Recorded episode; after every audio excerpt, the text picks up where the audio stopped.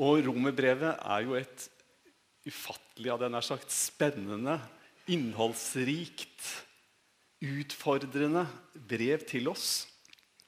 Jeg husker eh, i juli i fjor, eh, 15. juli, så talte jeg over Rombrevet kapittel 12. Det husker dere sikkert alle sammen. Da, da talte jeg vers for vers gjennom det kapitlet. Og eh, jeg husker, jeg, jeg synes det var en sånn god opplevelse. Jeg tror det er kanskje eneste gangen av alle de gangene jeg har fått lov til å dele Guds ord med dere her i tabernaklet, at jeg har liksom tatt ett kapittel og tatt vers for vers gjennom alt sammen. Eh, og, og, og det er, Rombrevet er et spennende eh, brev, men det er ikke det vi skal gjøre denne våren. Å ta vers for vers gjennom alt. Skjønt, Det var en pastor, en nokså kjent teolog. Han heter Donald Gray Barnhouse. Han ble født i 1895, og så døde han i 1960. Han, han eh, bodde i, i Philadelphia, Pennsylvania, mellom eh, New York og Washington DC. Og eh, Han kom der til en menighet som heter 10th Presbyterian Church. Og Han begynte der i 1927. Og hans første preken da begynte han fra Rombrevet, kapittel 1 og vers 1. Og Så holdt han på en times tid. Det er jo et fantastisk bibelvers der det står om Paulus Kristi Jesu tjener hilser dere, jeg som er kalt til apostel og utvalgt til å forkynne Guds evangelium. Så holdt han på en times tid med eh, den teksten, og så avslutta han. Og Neste søndag så begynte han på vers 2. Det rakk han ikke helt å bli ferdig med. Men han tok da første delen av vers 2, og så tok han neste del og fullførte da eh, en del av vers 3 søndagen etterpå der. Og sånn holdt han på i 42 måneder. Søndag etter søndag, hver eneste søndag, så talte han ifra Rombrevet vers for vers. Og Det førte til at han ga ut en ti binds kommentar med, med, kommentarer til romerbrevet, som senere ble til en firebinds. Og i en litt mer moderne versjon så er den i en tobinds utgave. Hvor noe av alt dette som han delte med folk gjennom denne serien, er blitt lagt inn. Og, og han skriver i det aller første, første utgaven, i den første boka, så skriver han om at han nå i tre og et halvt år har talt over tekstene i romerbrevet. Og at han, eh, og at han har sett hvordan folket har tatt imot, hvordan benkene har blitt fylt opp. Også oppe på galleriet var det fullt. Og hvordan dette har vært til så stor velsignelse, skriver han om. Og så skriver han det har vært til stor velsignelse for de som har kommet og høre. Så har det vært til stor velsignelse for predikanten. Det legger han til. Men som sagt, det er, ikke, det er ikke det vi skal gjøre. Men vi skal stoppe for enkelte temaer og tekster i romerbrevet. Og i dag så skal jeg bare gi dere en liten sånn smakebit, en liten introduksjon til noe av det vi skal stoppe for denne våren. Jeg må ta med et sitat først. Altså Når det gjelder rombrevet, så kan det sies mye fra det. Og det kan sies mye om rombrevet. Og, og vår gode venn Martin Luther han skriver dette. Brevet er den viktigste delen av Det nye testamentet og det aller reneste evangelium. Det er verdt ikke bare at enhver kristen burde kunne det utenat, men også å bli brukt hver eneste dag som sjelens daglige brød. Så jeg håper at dere alle sammen kan rombrevet utenat. Og eh, en annen ting som jeg håper, det er at ingen av dere spør om jeg kan rombrevet utenat. Men uansett nå hvordan det er I romerbrevet så ligger det kolossalt mye innhold. Det, det, kalles jo for Paulus sitt dogmatiske hovedbrev. Og, og Da er vi jo inne på, på, sånne ord som troslære, dogmatikk, systematisk teologi, fundamental teologi. Og dere, det er dette vi ikke skal holde på med. Altså Misforstå meg rett, selvfølgelig er det dette vi skal holde på med. Men, men du, det å tenke på romerbrevet som bare en oppramsing av hva vi tror og lærer Det å tenke på at nå skal vi, nå skal vi denne våren så skal vi prøve å få liksom troslæra vår på plass. Og så kan vi ta lekse opp en hel del mengde ting som vi tror på å få det helt riktig. Jeg kjenner at det er, det er ikke det som motiverer meg. Du, jeg har møtt for mange gamle mennesker som snakker med meg, og som deler med meg hvordan de kjemper med troa si. Og lurer på Helge Terje, tror du jeg når hjem? Jeg har møtt for mange. Som, som, som altså har, har, levd et godt kristenliv hele sitt liv. I hvert fall tilsynelatende. Og jeg er helt overbevist om at de har det. Og så kommer de mot livets slutt.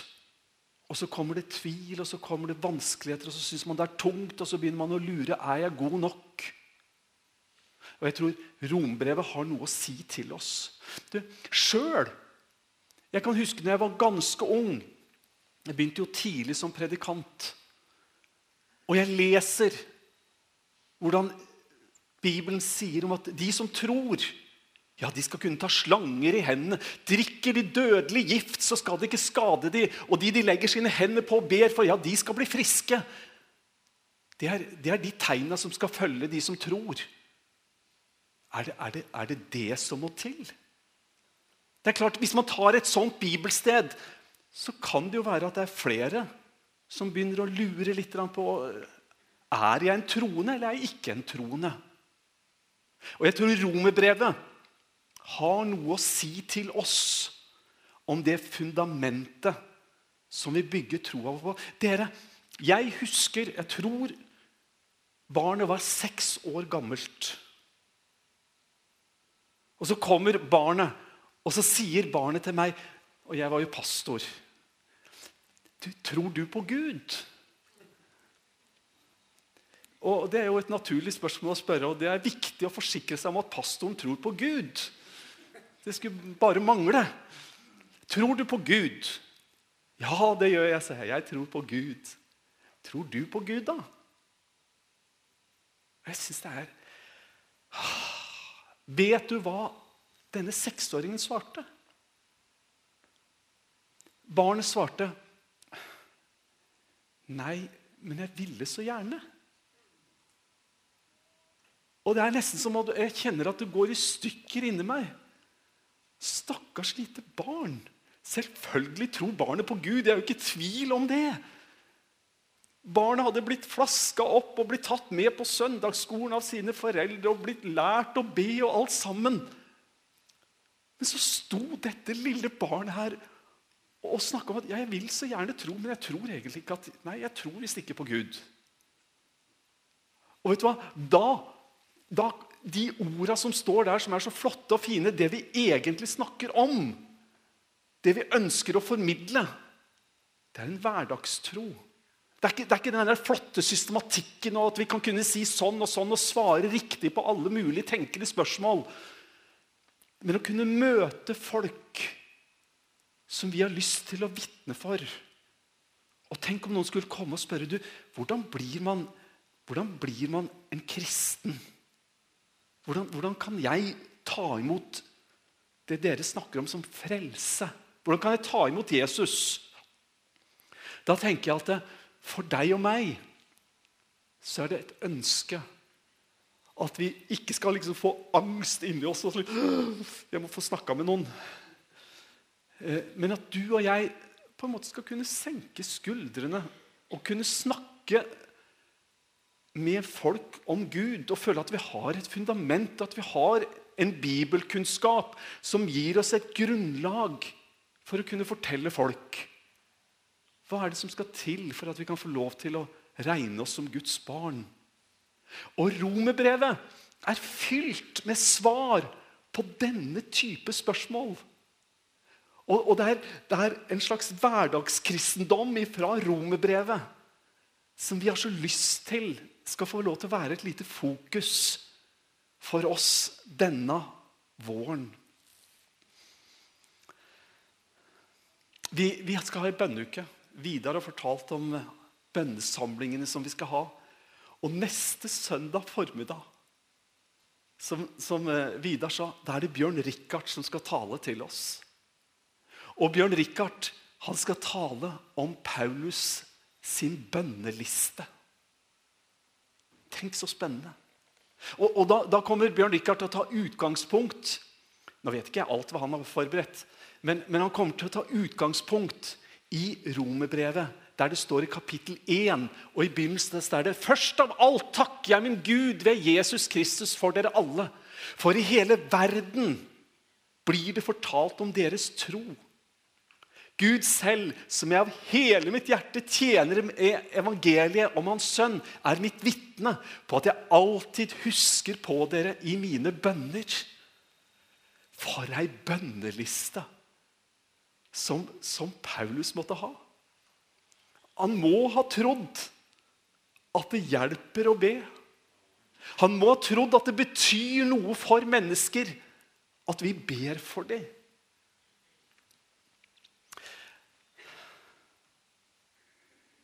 Jeg sto og snakka med naboen.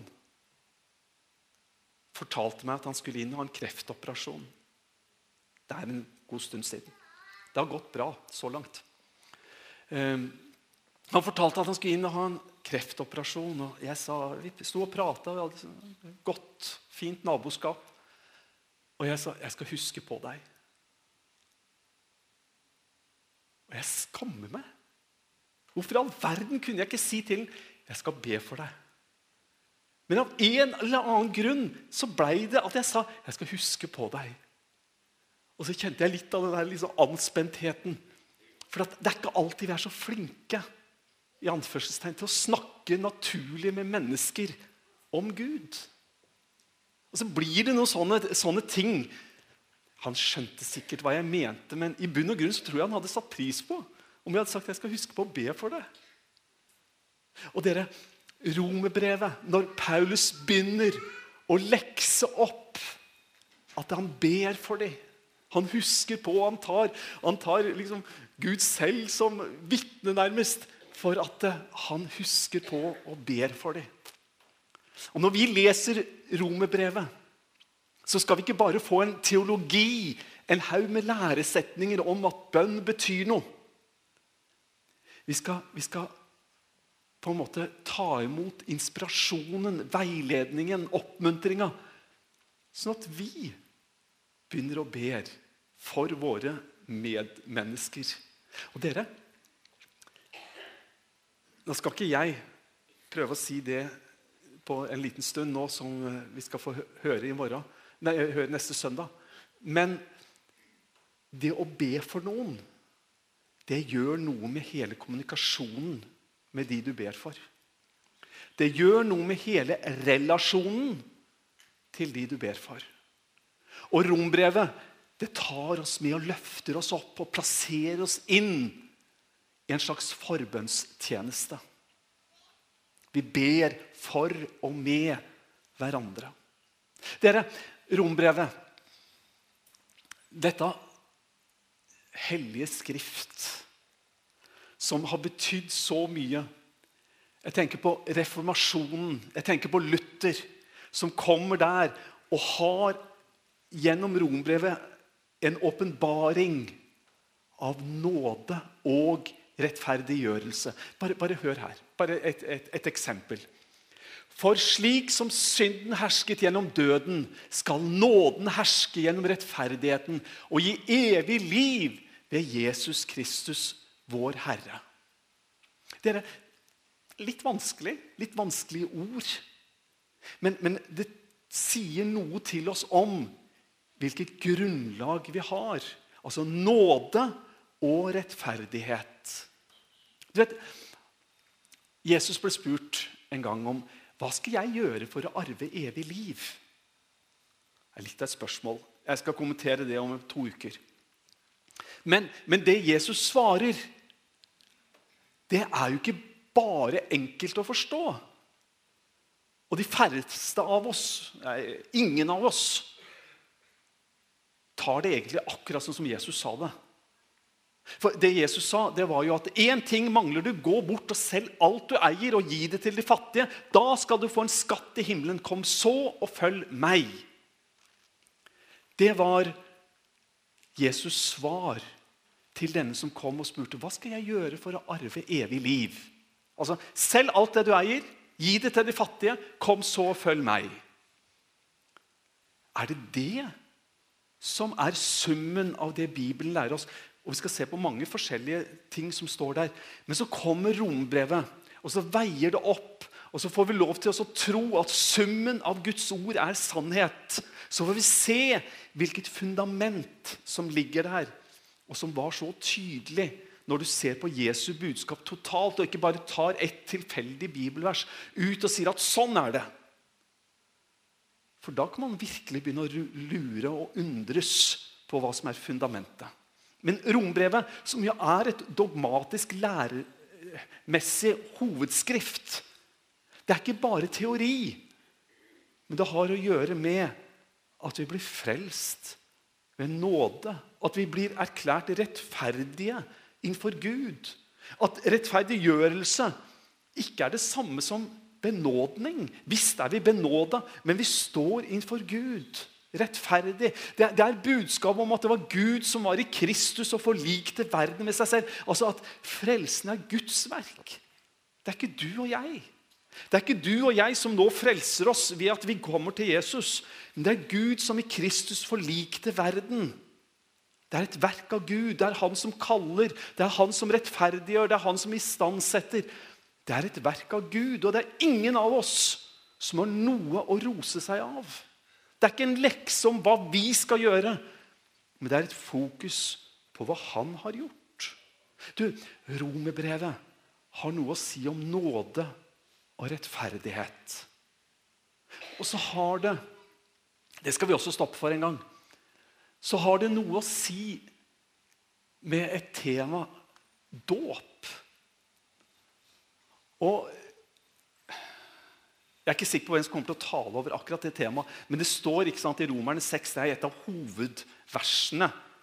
Et av flere. Der det står Eller vet dere ikke at alle vi som ble døpt til Kristus Jesus, ble døpt til hans død? Vi ble begravet med ham da vi ble døpt med denne dåpen til døden. Og som Kristus ble reist opp fra de døde ved sin fars herlighet, skal også vi vandre i et nytt liv. Av og til så er jeg redd for at når vi tenker på dåp, så blir det så ofte på dåpsform. Det, det, blir så ofte, skal det, være, skal det være med full neddykkelse eller ikke? Eh, barnedåp, regnes det som dåp eller eh, ikke? Og vi med et baptistisk dåpssyn vi har jo klare svar på de spørsmålene. Men, men hvis dåpsfokuset blir på form, ja, da har vi jo misforstått det meste, vil jeg tro. Altså, Vi møter en forkynnelse som taler om hvordan dåpen er med på å bekrefte det som Gud har gjort. At vi er døpt til hans død, og vi er oppreist. Det taler om et nytt liv. Et nytt liv som vi skal leve. På avslutningen her ikke sant? Eh, skal også vi vandre i et nytt liv. Det, det, det, er, det, er, en markering av en begynnelse der vi tydelig har sagt vi tilhører Kristus. Vi er døpt til hans død. Det livet vi nå lever, er livet i Kristus. Og dåpen har enda mange flere sider. Og Paulus han taler om det i romerbrevet som en del av Ikke bare å ramse opp en del teologiske læresetninger. Det er ikke det som er fokuset her. Men han taler om det som en del av den kristne hverdagslivet. Det er en hjelp. For meg personlig så husker jeg at det, dåpen betydde mye. For jeg hadde jo vokst opp i et kristent hjem, og jeg hadde slett ingen dato for når jeg ble frelst. Jeg, ja, det er mange som er i den situasjonen. Men så var det en dag jeg bestemte meg for å døpe meg. Jeg sa at nå vil jeg bli døpt.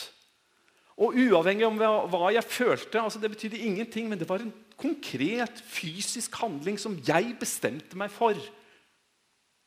Og så fikk jeg lov til å gjøre dette valget og denne forkynnelsen om at jeg er døpt til Jesu Kristi død. Jeg er reist opp. Jeg lever Kristuslivet av nåde over nåde over nåde. Og Rombrevet har noe å si til oss, en hjelp for oss, når det gjelder også den delen. Et tema som jeg syns er fantastisk spennende, som vi også kommer til å stoppe for. Det er også vanskelig. altså Teologen har gitt et ord, predestinasjon, altså forutbestemmelse, forutvalgt. Men, men, det er jo ikke først og fremst en teologisk greie. Det er jo ikke først og fremst liksom at vi skal ha, ha, kunne bruke noen ord eller sette ting inn i en systematisk fremstilling. Men det har noe å gjøre med frelsens storhet. Og Jo mer jeg tenker på på dette, så større blir frelsen. Og jeg tror Jeg vet ikke om det er riktig å si, men jeg, jeg tror liksom at kjærligheten til Jesus blir større hos meg. Men du, hør her. Romerne kapittel 9. Der står det For skal, hva skal vi si til dette? Er Gud urettferdig? Slett ikke. For han sier til Moses, 'Jeg viser godhet mot den jeg vil,' 'og er barmhjertig mot den jeg vil.' så kommer det altså ikke an på den som vil eller anstrenger seg, men Gud som viser godhet.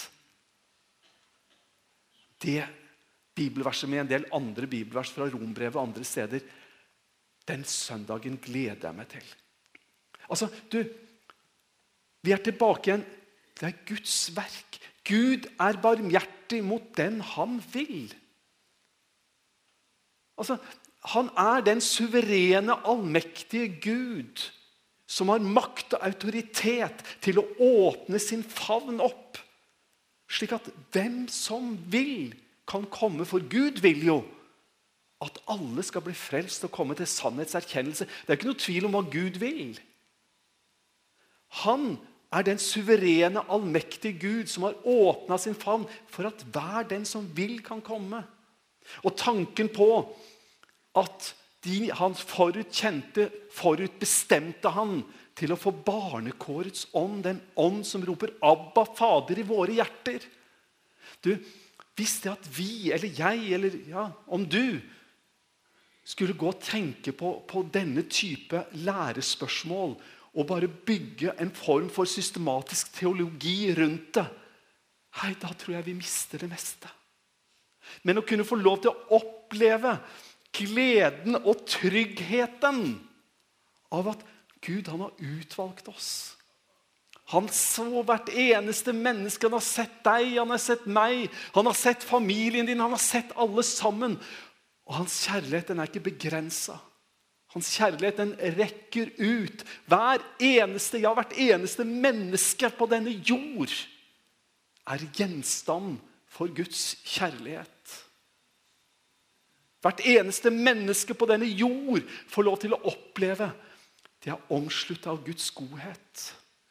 Du, utvelgelse det er ikke en teologisk, teoretisk greie for spesielt interesserte. Det er noe som er med på å gjøre evangeliet så ufattelig stort for meg. Å tenke på at det er ingen begrensning i Guds kjærlighet. Du, Rombrevet nå denne våren har noe å si om synd. Har du tenkt på det? Den, den, den har ikke bare noe å si om Guds kjærlighet. Men det står f.eks. her om den troende fristelser og synd. Jeg ulykkelige menneske, hvem kan fri meg fra denne dødens kropp? Og så står det jo noe mer. Gud være takk ved Jesus Kristus, vår Herre. Slik er altså jeg. Jeg tjener Guds lov med mitt sinn, men syndens lov med mitt kjøtt og blod. Og dere, igjen, dette er ikke bare teori, men hva i all verden betyr det? For jeg tror hva dette betyr, har noe å si for hvordan du og jeg har det som kristne. Jeg tror det har noe å si med den tryggheten du og jeg møter morgendagen med som bekjennende troende.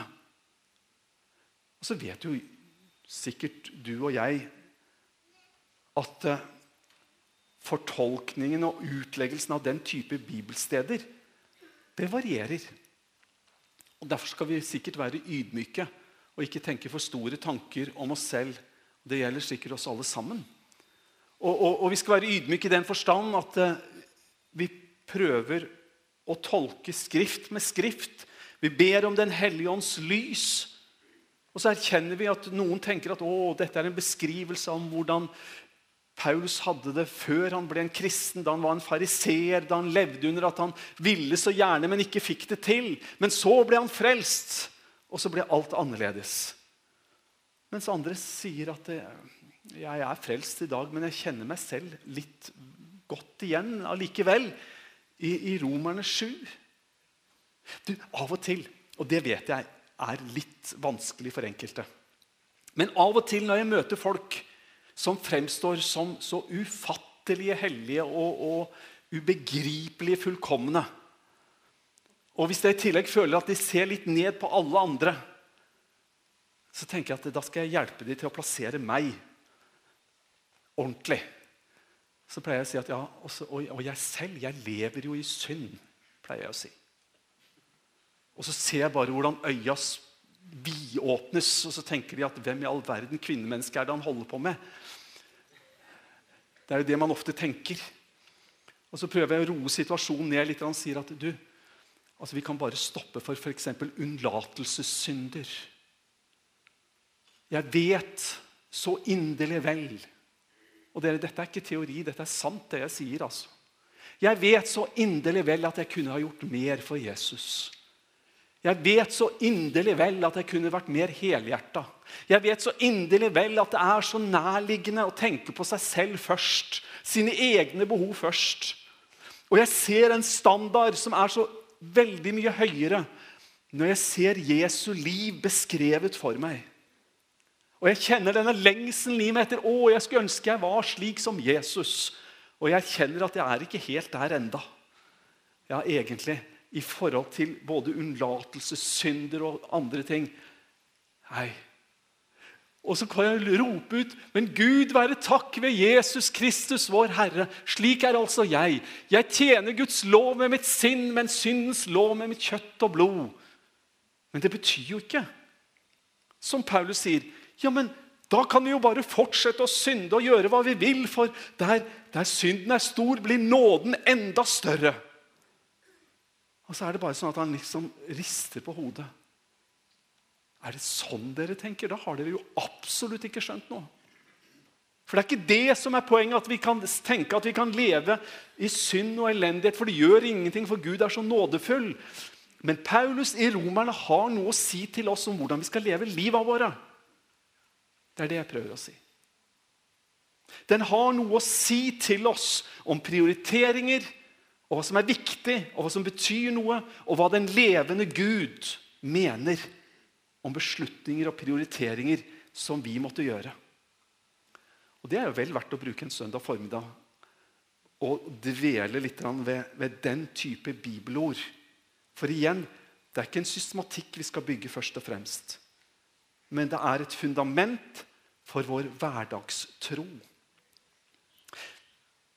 Det er på en måte et fundament for det kall som Gud har gitt hver eneste en av oss. Bare hør her. Ved den nåde jeg har fått, sier jeg til hver enkelt av dere. Tenk ikke for store tanker om deg selv, men tenk sindig.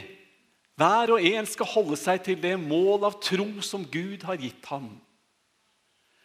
Kall til ydmykhet og tjeneste.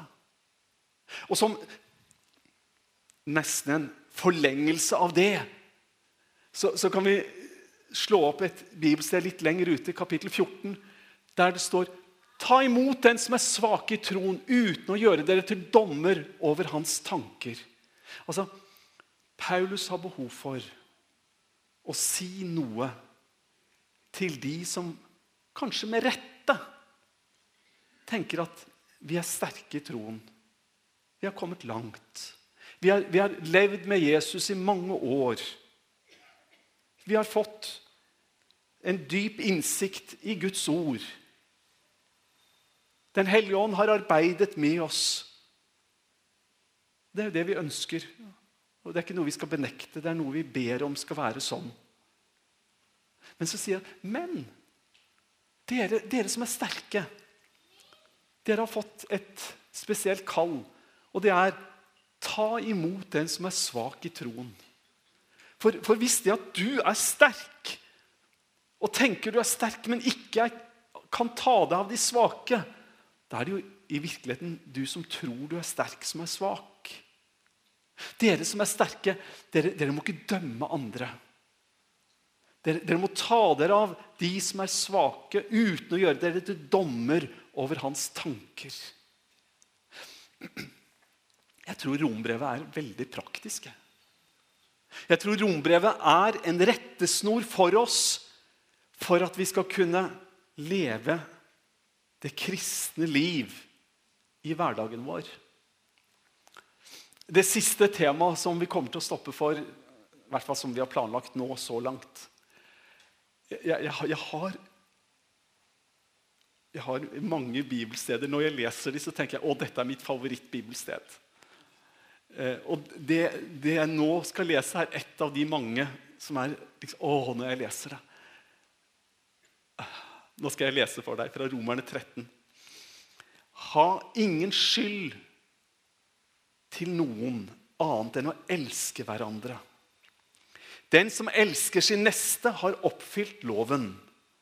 For disse budene du skal ikke bryte ekteskapet, du skal ikke slå i hjel, du skal ikke stjele, du skal ikke begjære, eller hvilket bud det nå er, sammenfattes i dette. Du skal elske din neste som deg selv. For et bibelord! Altså, Det betyr ikke at uh, de første tingene ikke gjelder. Altså, Du skal ikke bryte ekteskap, du skal ikke slå i hjel, du skal ikke stjele, du skal ikke begjære. Eller hvilket bud det så er. Klart det gjelder. Klart de uttrykker Guds vilje. Men det rombrevet forteller oss om, det er hvordan vi oppfyller dette. Det er jo så enkelt og så vanskelig. Men alle disse budene som ramses opp, og i tillegg uansett hvilket bud det er Uansett hva det måtte komme på Det oppfylles i dette ene budet. Du skal elske de neste som deg selv. Nå er det flere ting å si til en sånn bibeltekst. Det er derfor jeg sa at dette er bare noen smakebiter. Og hvorfor vi har tenkt at denne våren da skal vi stoppe for en del tekster. Ikke hvert møte, ikke hver gudstjeneste. Men, men vi skal stoppe for det en god del ganger. Tekster fra rombrevet og med disse temaene som jeg har delt med deg nå. Det jeg har sagt, det er jo noe om Paulus sin bønneliste. Nåde og rettferdighet. Forent med Kristus i dåpen. Forutbestemt og utvalgt. Den troende. Fristelser og synd. Kall til ydmykhet og tjeneste. Advarsel mot å dømme andre. Og oppfyll loven med kjærlighet. Så får vi lov til å ta og lese dette brevet. Paulus skriver til en menighet han ikke har møtt, men som han har så lyst til å besøke. Og han vet det som skjer i Rom, det er viktig.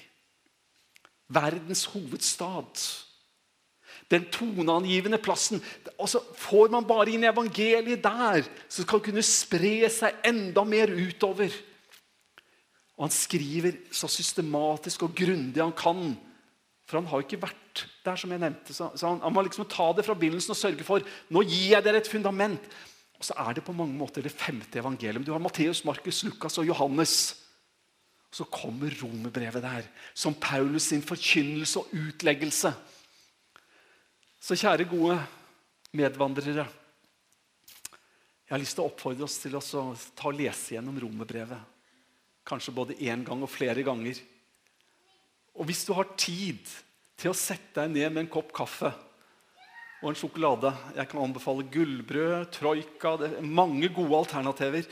Og, og, og du setter deg ned, så kan du lese gjennom hele rombrevet på en gang. Og du får sammenhengen og du kan kose deg.